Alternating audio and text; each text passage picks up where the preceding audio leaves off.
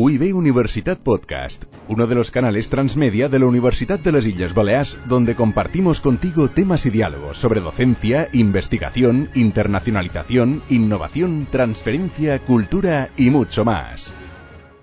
Bienvenidos a este nuevo podcast sobre Derecho a la Competencia. Os saluda Juan Fran Fluchá, profesor de Derecho Mercantil de la Universidad de las Islas Baleares. Para esta conversación, que versará sobre la aplicación de los programas de clemencia para la mayor eficacia del derecho a la competencia, contamos hoy con el doctor Fernando de la Vega, profesor titular de la Universidad de Murcia y también autor, entre otras obras, del libro La clemencia en el derecho a la competencia, exención o reducción de las multas en el caso de cárcel. Muchas gracias, Fernando. Buenos días. Eh, buenos días, muchas gracias a ti, Juan, por la invitación. Es un placer coincidir y charlar unos minutos sobre el derecho de la competencia. Enhorabuena también por esta labor de difusión. Encantado y muchas gracias a ti. Empecemos con un tema apasionante que incluso da para tramas cinematográficas. Eh, Fernando, ¿qué es la clemencia en el derecho de la competencia? Eh, bueno, la clemencia es hoy un instrumento relevante, no es el único, de colaboración de los infractores de ciertas normas de competencia con las autoridades de competencia. Eh, la clemencia incentiva a los cartelistas con una exención o, en su caso, reducción del importe de la correspondiente multa, obteniendo así de la Administración una cooperación desde dentro de la propia infracción. Por tanto, eh, supone una confesión, un chivatazo, que tiene como recompensa un perdón total o parcial de la correspondiente multa. Además, eh, la clemencia es un instrumento que está funcionando muy bien. Hay muchos casos y si atendemos a las estadísticas, pues en los últimos años es más de la mitad de los cárteles sancionados se ha aplicado alguna de las dos modalidades de clemencia, o bien la exención o bien la reducción de la multa. Eh, hay que tener en cuenta que uno de los obstáculos más habituales y más importantes en la aplicación del derecho de antitrust, de defensa de la competencia, es la dificultad de detectar y probar las conductas ilícitas o anticompetitivas. Es decir, los, autores, los, llamados eh, cartelistas, procuran realizar estas prácticas de una forma clandestina, secreta, enmascarando de diversas formas verdaderas conductas que tienen como objeto o efecto casi exclusivo eliminar la competencia. Además, eh, los medios de detección de conductas anticompetitivas por el Estado, las comunidades autónomas, son muy escasos. Tenemos muy pocos inspectores de competencia, sobre todo en, en sede autonómica. Por tanto, es una colaboración fantástica con las autoridades, Juan. ¿Cuáles son esos requisitos en España para acogerse a la clemencia y poder quedar exento de la multa o al menos eh, conseguir la reducción que nos comentabas? Bueno, los requisitos se establecen en la Ley de Defensa de la Competencia, artículos 65 y 66, y luego se desarrollan en el Reglamento de Defensa de la Competencia y hay también una comunicación de la antigua CNMC sobre clemencia del año 2013. Bien, según todo esto existe un presupuesto común a la exención o a la reducción, que es la existencia de un cártel, tal y como se define en la Ley de Defensa de la Competencia. Por tanto, la clemencia no está para todas las conductas, queda excluida de conductas en teoría menos dañinas para la competencia como pueden ser las restricciones verticales. Las restricciones verticales no son objeto de clemencia, no se puede perdonar una multa, por ejemplo, por una restricción vertical. Presenta este primer elemento, la existencia de un cártel, existirá, bueno, posibilidad de exención si se dan una serie de requisitos. Fundamentalmente ser el primero. El primero en aportar información trascendental, elementos de prueba sobre el cártel elementos de prueba que activen los poderes de investigación o sanción de la, de la autoridad de competencia, la CNMC, la comisión, etc. Y luego cumplir especiales deberes de diligencia. Si no es el primero, es decir, no, no llegas el primero, hay posibilidad de que la multa se reduzca si se aportan elementos de prueba que aporten un, dice la ley, un valor añadido significativo y se cumplen especiales deberes de diligencia. En este segundo escalón de la clemencia, reducción, ¿no? Se establecen incentivos para que quien aporte esa información, sin ser totalmente trascendente, pues pueda verse reducida la multa. Así, la primera persona o empresa que llegue con la solicitud de reducción podrá tener una reducción de entre el 30 y el 50%, la segunda persona entre el 20 y el 30 y las sucesivas empresas hasta el 20% del importe de la multa. Básicamente son esos los, los requisitos, Juan. ¿Es la clemencia un instrumento propio de España? No, la clemencia es un instrumento que se ha implantado prácticamente en todos los países, todos los estados que tienen o que cuentan con un moderno derecho de la competencia. Eh, de hecho, la clemencia en competencia procede de Estados Unidos, que fue perfeccionando sus sistemas, bueno, desde finales del siglo XX hasta principios del siglo XXI. Además del sistema de Estados Unidos, pues prácticamente todos los estados europeos eh, tienen implantados programas de clemencia. Los primeros fueron Francia e Irlanda a principios de siglo, 2001, Países Bajos y Suecia un poco más tarde, eh, después eh, Reino Unido en 2004, Alemania, Portugal, Italia en 2006 y en España es aplicable desde el 1 de septiembre de 2007, fecha en que entra en vigor la actual Ley de Defensa de la Competencia, que introducía como novedad en nuestro sistema pues la clemencia, el programa de clemencia. Ya que nos has citado distintos Estados miembros y la Unión Europea, eh, ¿tiene el derecho europeo de la competencia también su sistema propio de, clemencia? Pues mira, eh, curiosamente la Unión Europea careció durante muchísimo tiempo de un programa de clemencia. Es decir, la actitud colaborativa de los implicados en un cártel podría tener, podría tener entonces determinadas consecuencias atenuantes durante el procedimiento, pero no suponía la existencia de un auténtico programa de clemencia, no se le perdonaba la, la multa al chivato. ¿no? Eh, hoy en día la Unión Europea tiene un sistema de clemencia contenido básicamente en una comunicación de la Comisión de 2006 que ha sido modificada en diversas ocasiones. Su aplicación está siendo muy positiva, pues ha sacado a la luz importantes cárteles que habían estado activos eh, durante mucho tiempo en periodos anteriores al programa de clemencia. Y entre ellos, y lo menciono porque está de máxima actualidad, se encuentra el cártel de los camiones, en el que la Comisión impuso multas millonarias cercanas a los 3.000 millones de euros y sobre el que se están ejercitando, como sabemos todos en la actualidad, centenares de acciones de responsabilidad civil. Pues bien, las investigaciones sobre dicho cártel comenzaron en 2011 tras la confesión de una de las empresas implicadas, que resultó luego posteriormente exenta en el pago de la sanción eh, en este cártel. Eh, has planteado el tema de carteles transfronterizos, esas conductas que, abarcan a distintos países. Y yo te preguntaría si la existencia de distintos programas nacionales de clemencia en el territorio europeo pues puede crear una distorsión, una disfunción en, la, en esa misión de, este instrumento. Eh, ciertamente, Juan. Vamos a ver. La cuestión que señalas es una de las preocupaciones de la Unión Europea desde hace mucho tiempo en relación con la clemencia. Pues los cárteles más importantes son aquellos que no conocen las fronteras nacionales y son los cárteles eh, internacionales, aquellos que se expanden por varios países.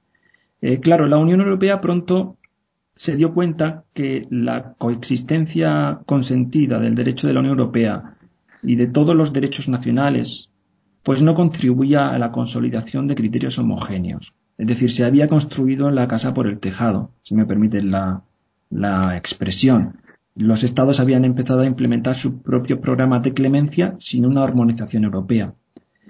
Y mm, los distintos criterios pues no otorgaban o no otorgan eh, una seguridad jurídica completa.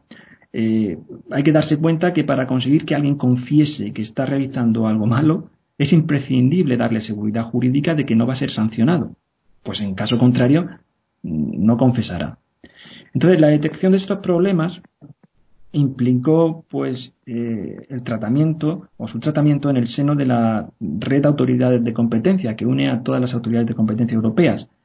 Y se derivaron pues eh, intereses esfuerzos en orden a la coordinación de bueno de la aplicación de los programas de clemencia. Y de ese trabajo derivaron varios documentos de coordinación básicamente entre 2006 a 2012 eh, sin embargo la preocupación por esa armonización por el buen funcionamiento sobre cárteles internacionales o cárteles supranacionales, pues sigue latente en la actualidad. Concretamente, y es un tema de máxima actualidad, la próxima directiva que España debe implementar en sede de competencia, como máximo en, febrero de 2021, queda menos de un año, es la conocida como la directiva ECN Plus de diciembre de 2018, que tiene entre sus disposiciones normas de armonización de los sistemas de clemencia, es decir, gran parte de esa directiva, yo diría que el 30% de esa directiva al menos está dedicada al tema de la clemencia, sobre todo para el tema de armonizar ante, ante temas de cárteles eh, supranacionales. En el tema de, del propio seno de las empresas, ya eh, el derecho de la competencia eh, sanciona también a los representantes de los infractores como pueden ser, por ejemplo, los administradores de una sociedad anónima una sociedad eh, limitada que haya podido ser multada. ¿Qué, pasaría con esos administradores, eh, pues bueno, que han, que han propiciado esas conductas? ¿Pueden beneficiarse también del programa de clemencia? Eh, efectivamente, como bien dices, la Ley de Defensa de la Competencia permite imponer una multa a cada uno de los representantes legales, directivos, personas que integran el órgano de dirección que hayan intervenido en el acuerdo de decisión anticompetitiva. En este caso, como estamos hablando de cárteles, pues en el cártel.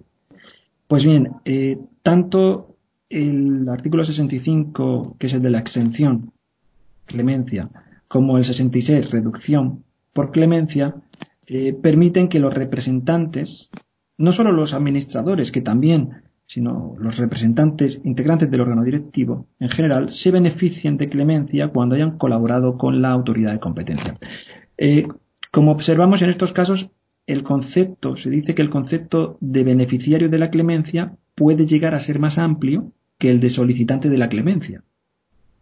Pues pueden ser beneficiarios personas que no participaron directamente en la solicitud. Lo, lo solicitó la sociedad anónima o la sociedad limitada y se benefician sus administradores. Es decir, el concepto de beneficiario en clemencia no tiene como presupuesto en estos casos el haber sido con anterioridad solicitante. Algo parecido sucedería con la extensión a una empresa matriz de la clemencia reconocida a una empresa filial en relación con la responsabilidad de aquella respecto a los actos anticompetitivos de esto. Por tanto, en, en el seno de grupos también es muy interesante ver este fenómeno de beneficiario y la diferencia entre beneficiario y solicitante de clemencia.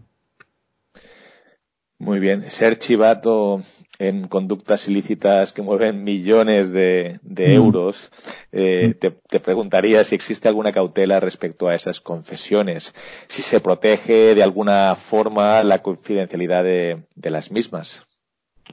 Bueno, la confidencialidad es uno de los temas más delicados en relación con la clemencia, pues de su tratamiento depende gran parte de su éxito. Si a un chivato, como dices, y como bien dices, pues no se le garantiza con suficiente certeza que su participación en el cártel queda bajo secreto, pues es muy probable que no se decida acudir y revelar la conducta colusoria ante las autoridades de competencia, eh, anulando pues toda la efectividad del programa de clemencia. Eh, vamos por parte, pues el derecho se ocupa de proteger esa confidencialidad en dos escenarios distintos, ¿no? Está muy preocupado por esto, por la confidencialidad, porque sabe que se puede cargar el programa, repito. El primer escenario es la tutela de la, o la protección de la confidencialidad durante el procedimiento de clemencia, es decir, antes de que se sancione el cártel. Aquí el deber de confidencialidad es acumulable al deber de secreto que tienen determinadas personas integradas en las autoridades de competencia. La confidencialidad presenta, por tanto, un punto más de, en relación con el deber de secreto. Así, al margen de la regla general de secreto, eh, cuando se concreta la clemencia, eh, la confidencialidad se proyecta sobre varios aspectos, ¿no? Es decir, hay que guardar secretos sobre la existencia de la solicitud, que los demás integrantes del cártel no se den cuenta de que se están chivando. Hay que guardar secretos sobre la identidad del solicitante y hay que guardar secretos sobre las declaraciones del solicitante. Y el segundo escenario ya no es durante el procedimiento de clemencia eh, o el procedimiento que se está sancionando y se está tramitando, sino el segundo escenario es la tutela de la confidencialidad de esa confesión terminado el procedimiento. Ese sería el segundo escenario. Aquí hay que advertir que los daños derivados de cárteles son resarcibles a través, como sabemos, del ejercicio de la responsabilidad civil. Está muy de moda, ¿no? Y que tras la incorporación de la Directiva de Daños en 2017 eh, se reconocen legalmente en España las acciones follow-on, y, por tanto, la constatación de una infracción en derecho de la competencia hecha en una resolución firme por una autoridad de competencia española o un órgano jurisdiccional español dice la ley que se considerará irrefutable. Pues bien, eh, la transposición de la directiva, pues se ha procurado mm, medios, se ha procurado evitar eh, que se utilicen las declaraciones realizadas en el programa de clemencia en determinados procesos de reclamación de daños, intentando fomentar así la colaboración de los cartelistas en la, clemencia. Eh, la directiva de daños provocó la modificación no solamente de la ley de defensa de la competencia, sino también de la ley de enjuiciamiento civil. Y en este sentido, el, el, artículo 283, que está siendo muy tratado en muchos foros y en muchas obras, se está comentando mucho actualmente, eh, establece que en caso de una persona física o jurídica obtenga eh, las pruebas de los daños exclusivamente a través del acceso a un expediente de competencia, no serán admisibles, dice el artículo, no serán admisibles en las acciones por daños derivados de infracciones de derecho de la competencia. Es decir, el régimen jurídico del 283 se enmarca en la línea emprendida por la Unión Europea de reforzar al máximo la confidencialidad de las declaraciones realizadas en un programa de clemencia, incomunicándolas totalmente de un proceso de reclamación de daños. El Tribunal de Justicia, recuerdo que fue muy titubeante en estos temas. Hay un asunto muy, muy afamado, el asunto Federer o el asunto Donau, que en los cuales pues dudaba mucho en relación con, con estos temas y bueno, pues hoy parece que hay una incomunicación entre, entre esto. Y luego hay un tema, muy brevemente, muy relacionado con la confidencialidad, que es el de la protección de las personas que informen sobre infracciones del derecho de la Unión.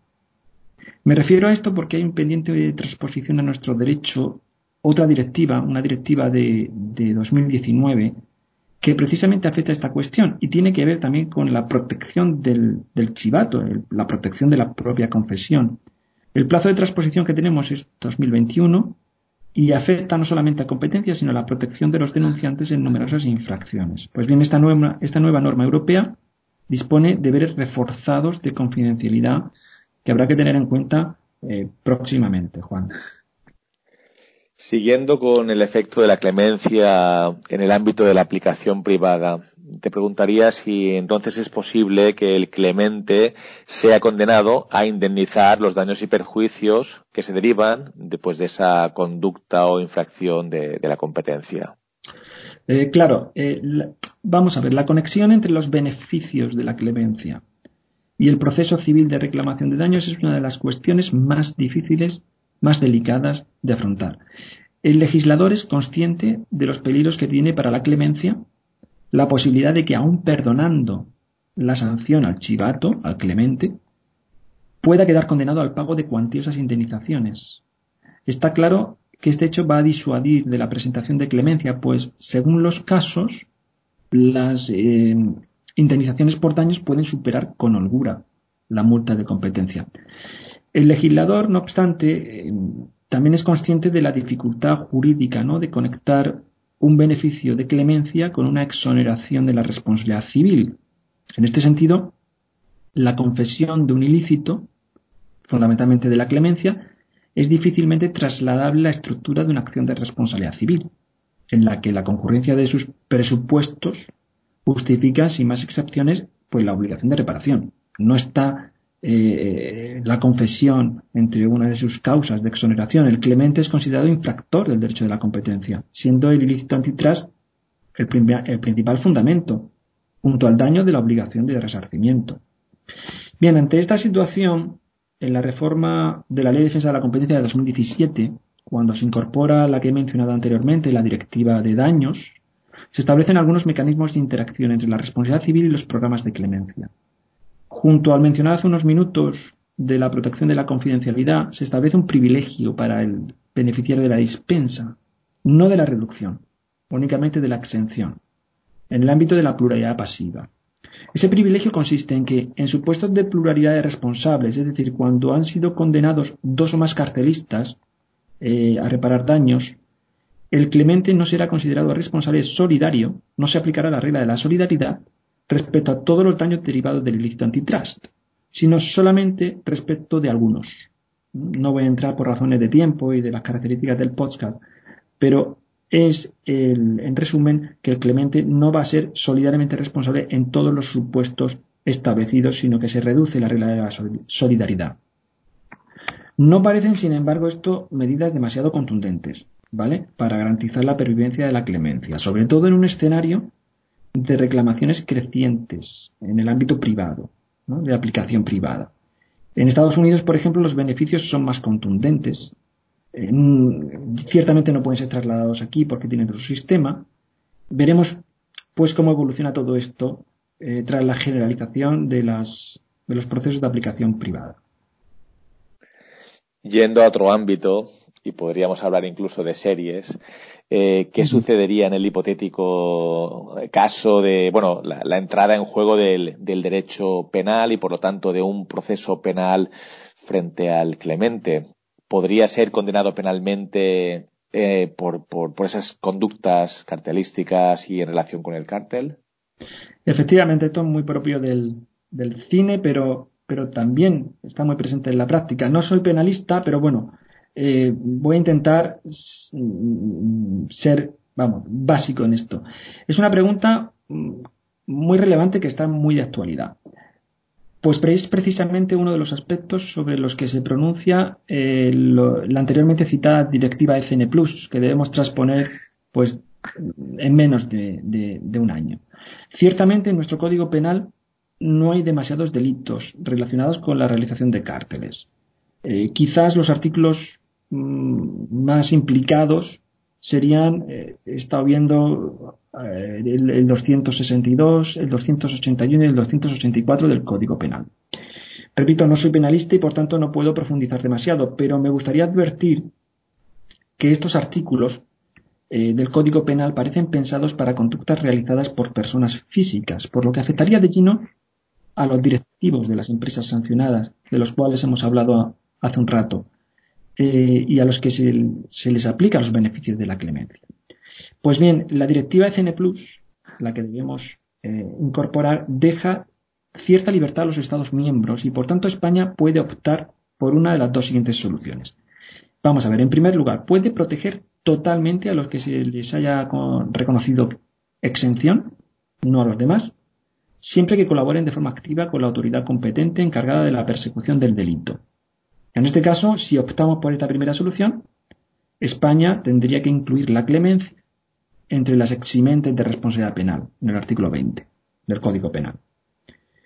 O una segunda opción, proteger parcialmente a los que se les ha reconocido exención de la multa, no a los demás, siempre que colaboren de forma activa con la autoridad competente encargada de la persecución del delito. En este caso habría que incluir la clemencia no entre las eximentes, sino entre las atenuantes de responsabilidad penal, en el artículo 21 del Código Penal. Conviene recordar que en cualquiera de estos dos supuestos, por tanto España se va a decidir en menos de un año por una de las dos opciones, eh, en cualquiera de estos dos supuestos, repito, la reforma será diferente a la que se realiza en la Ley de Defensa de la Competencia por incorporación de la directiva, pues habrá que proceder a reformar una ley orgánica, como es el Código Penal. Veremos a ver lo que veremos a ver lo que pasa ahí, Juan. Perfecto, Fernando. Me gustaría terminar con una pregunta que es un clásico en estas entrevistas. Brevemente, o bueno, con la extensión que quieras, ¿nos sugieres alguna lectura, noticia o caso para seguir estudiando este apasionante tema? Eh, bueno, eh, hay pocas informaciones eh, porque la clemencia, parte de la clemencia es confidencial y no se dan demasiados detalles. Para ser muy descriptivo, hay algún vídeo muy cinematográfico publicado por alguna autoridad de competencia europea, creo recordar que la holandesa, y que puede ser muy gráfico al respecto. Y recomiendo también eh, seguir todo el proceso de transposición de la directiva ECN Plus y leerse bien esa directiva, pues gran parte de su contenido es sobre clemencia, es sobre la clemencia que nos viene. Habrá que estar muy atento a los foros especializados, a las publicaciones que se estudien esa directiva y su implementación. Eh, dada su importancia, este año la Red Académica de Derecho de la Competencia tiene previsto dedicar parte de su jornada anual, que se celebrará en la Universidad de Málaga, precisamente a esto.